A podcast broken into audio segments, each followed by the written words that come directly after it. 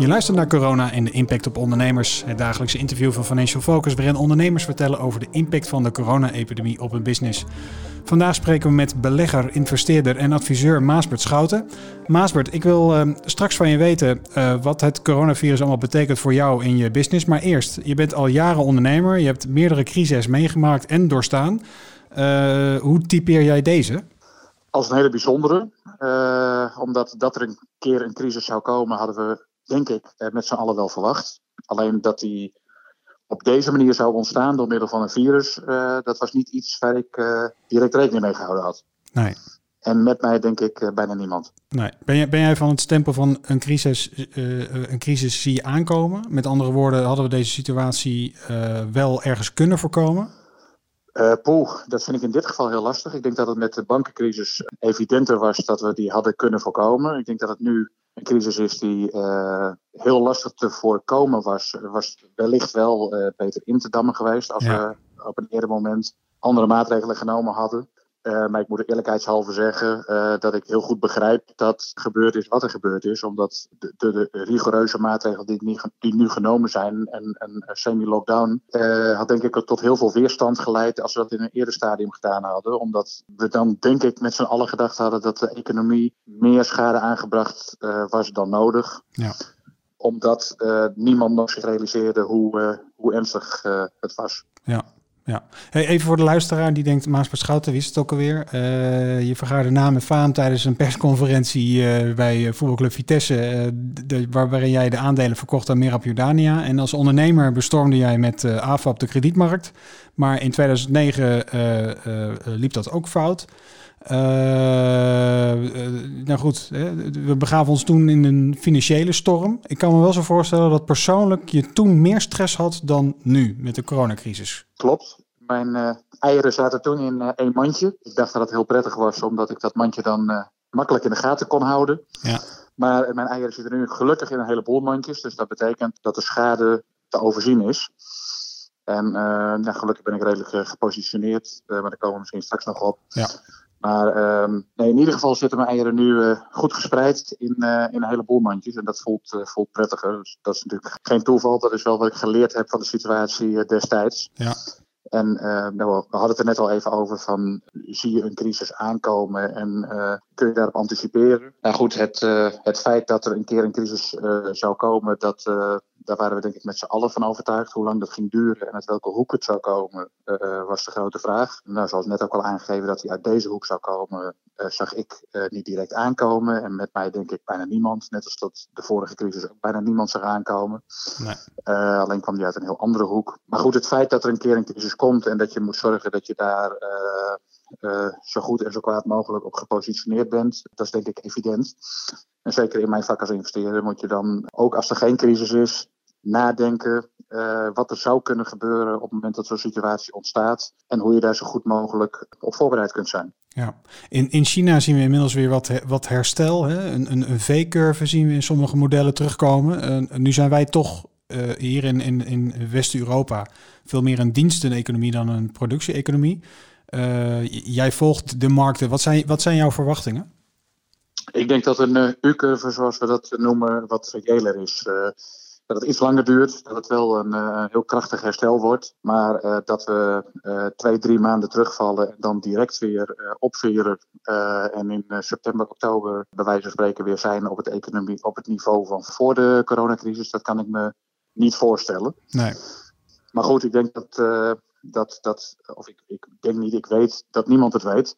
Dus ik denk dat het ook te pretentieus is om uh, te doen alsof ik uh, het wel kan voorspellen. Ja. Uh, en uiteraard hoop ik op een V-curve. Ik hoop op een heel krachtig, echt op het terugveren van de economie. En dat het een relatief hevige, maar ook korte impact heeft op ons allen. Maar nogmaals, een U-curve lijkt me het meest denkbeeldig. En dan is in het worst case scenario natuurlijk een, een L-curve waarbij het een heel langdurig negatief effect op de economie heeft. En gelukkig verwacht bijna niemand dat uh, op dit moment. Maar goed, dat hopen we ook van ganse harte te voorkomen. En ik denk Ja. ook dat daarom de maatregelen die genomen worden ja, ook goed zijn. Ja. Omdat uh, dat een he- heel veel uh, negatieve impact heeft op de korte termijn. Maar wel net als doelstelling om uh, lange termijn schade te voorkomen. En daarom wordt er natuurlijk nu ook heel veel geld in de economie gepompt om te zorgen dat we deze periode doorkomen en straks alles weer door kunnen laten draaien. In plaats van dat er heel veel structurele schade is aan, die je dan terugziet in werkloosheid en in, ja, in structurele economische, economische downturn, zeg maar. Ja, ja, je, je bent actief op Twitter. Hè? Ik, zie, ik zie je tweets dagelijks voorbij komen. Uh, je maakt je wel zorgen om de situatie, als ik, je, als ik het zo goed inschat. Ja, ja absoluut. Ja, ik, uh, het, het, beheerst wel mijn, mijn leven. En dan niet in de eerste plaats, moet ik eerlijkheidshalve zeggen, voor wat betreft het gezondheidsrisico. Want ja, ik realiseer me ook meer dan ooit tevoren dat er maar één ding echt belangrijk is, en dat is, uh, dat is onze, onze gezondheid. Ja. Dat weet je natuurlijk al wel, maar je wordt er uh, wel weer even door uh, met je beide benen op de grond gezet. Ja. Maar voor mij, in mijn vak als investeerder, dat ik ja, alles draait op dit moment om de corona. En niet alleen qua gezondheid, maar ook, ook de economie, hoe die zich herstelt, hoe de M&A-markt al dan niet weer op gang komt. hoe lang de, ja, de banken de kat uit de boom kijken. Ja, het houdt me, het houdt me eigenlijk wel bijna 24-7 bezig. En dan moet ik eerlijk zeggen dat het wat mij betreft uh, vooral gefocust is op, uh, op de economische schade en hoe structureel die al dan niet is. En dat, dat is ook wel een trend die je ziet, hè, dat aan het begin ja, de focus volledig was op, op de gezondheid. en dat het nu nog steeds een heel belangrijk thema is, maar dat er ook wel steeds meer de aandacht verlegd wordt. Wat, wat gebeurt het? ja, welke impact heeft dit op, op de economie? Ja, ja ja, precies. En hoe blijvend is de schade en hoe acteren alle partijen in de markt? Nou goed, je ziet nu al dat heel veel eh, exit-trajecten van, uh, ja, door, eh, door private equity bedrijven on hold worden gezet. Dat banken aangeven van joh, kom over een, een paar weken of een paar maanden nog maar eens een keer terug met een financieringsvraag. We eerst kijken wat, uh, hoe een dan zich ontvouwt. Ja goed, alles zit nu in het slot. En de vraag is vooral op welk moment en hoe we straks weer uit het slot komen. Ja, uh, Maasbert, volgens je eigen website ben je vrij veel. Je bent investeerder, belegger, adviseur, bestuurder. Wat houdt je nu het meeste bezig in je, iedere dag?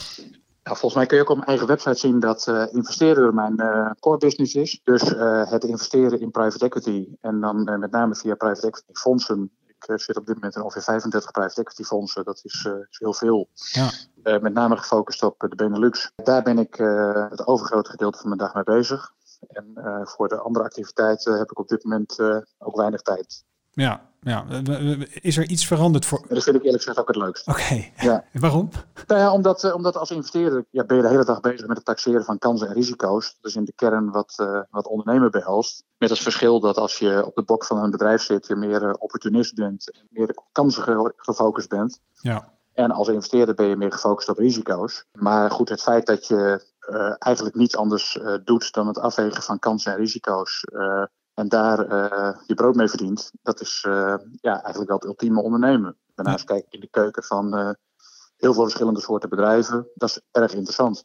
Ja. En via mijn portefeuille zit ik indirect in ongeveer 150 bedrijven. Dus daarmee zie je echt wel een, een dwarsdoorsnede van het grotere Nederlandse MKB. Ja, goed, dat vind ik buitengewoon interessant. Ja, ja, en is er iets veranderd voor jou in jouw dagelijkse uh, werkzaamheden? Uh, alles gaat vanuit huis, maar ik denk dat voor jou uh, dat dat al 90% van je tijd was, of niet? Ja, het voordeel is inderdaad dat ik al helemaal geëquipeerd was op, op de lockdown. Want ik heb twee woningen in, in Elsten en Amsterdam. En in beide werk ik vanuit huis inderdaad. En dat deed ik ook al voor de corona. Ja, goed, wat veranderd is, is dat, dat de calls nu eigenlijk altijd het thema corona hebben. Ja. En dat ik met heel veel, uh, dat, dat alles natuurlijk op dit moment via videoconferencing gaat of, uh, of telefonisch.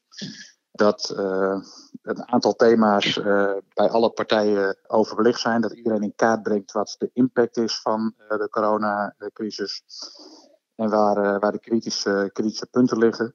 En ja, eigenlijk het allergrootste verschil in aanpak ten opzichte van een maand geleden. Ja, het, lijkt, het lijkt veel langer geleden, maar het is eigenlijk nog maar een maand geleden dat de wereld nog er heel anders uitzag, ja. lag de focus toen volledig op, eh, op waardecreatie. En uh, daar hoort de focus ook weer snel op te komen uh, als je het hebt over investeren. Ja. Maar nu ligt de focus volledig op liquiditeit, op cash. en eigenlijk zie je met alle private equity fondsen waar ik in zit, dat, dat die bij hun portfolio met name kijken bij waar zijn mogelijke cash issues. Ja, hoe kunnen we die zo efficiënt mogelijk oplossen? Goed, de waardecreatie, dat, dat moet maar even, even blijven liggen. Hè. En of dan onze 1 euro nu 80 cent is of nu 3 euro is, dat is even niet zo belangrijk. Nee.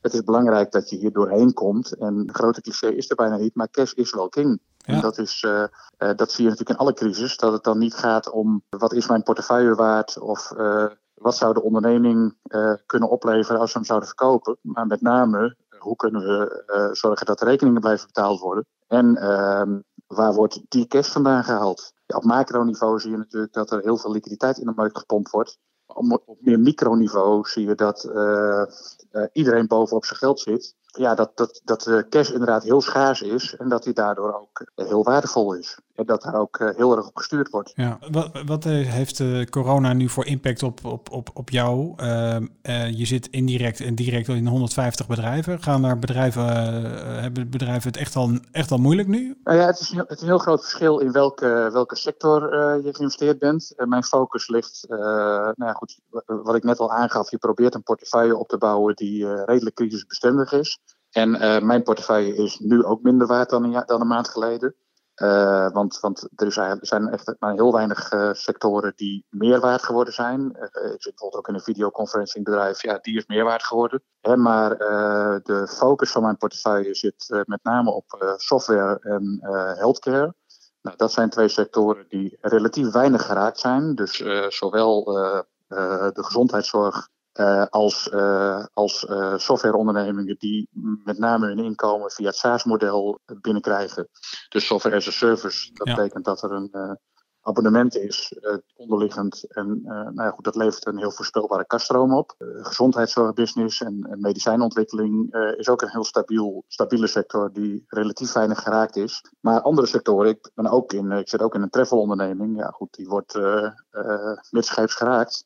En uh, dat geldt ook voor een, uh, voor een retailbedrijf in een portefeuille bijvoorbeeld, dat op dit moment het heel moeilijk heeft om de cashflow te kunnen blijven voldoen. Cashflowmatig alles te kunnen blijven voldoen.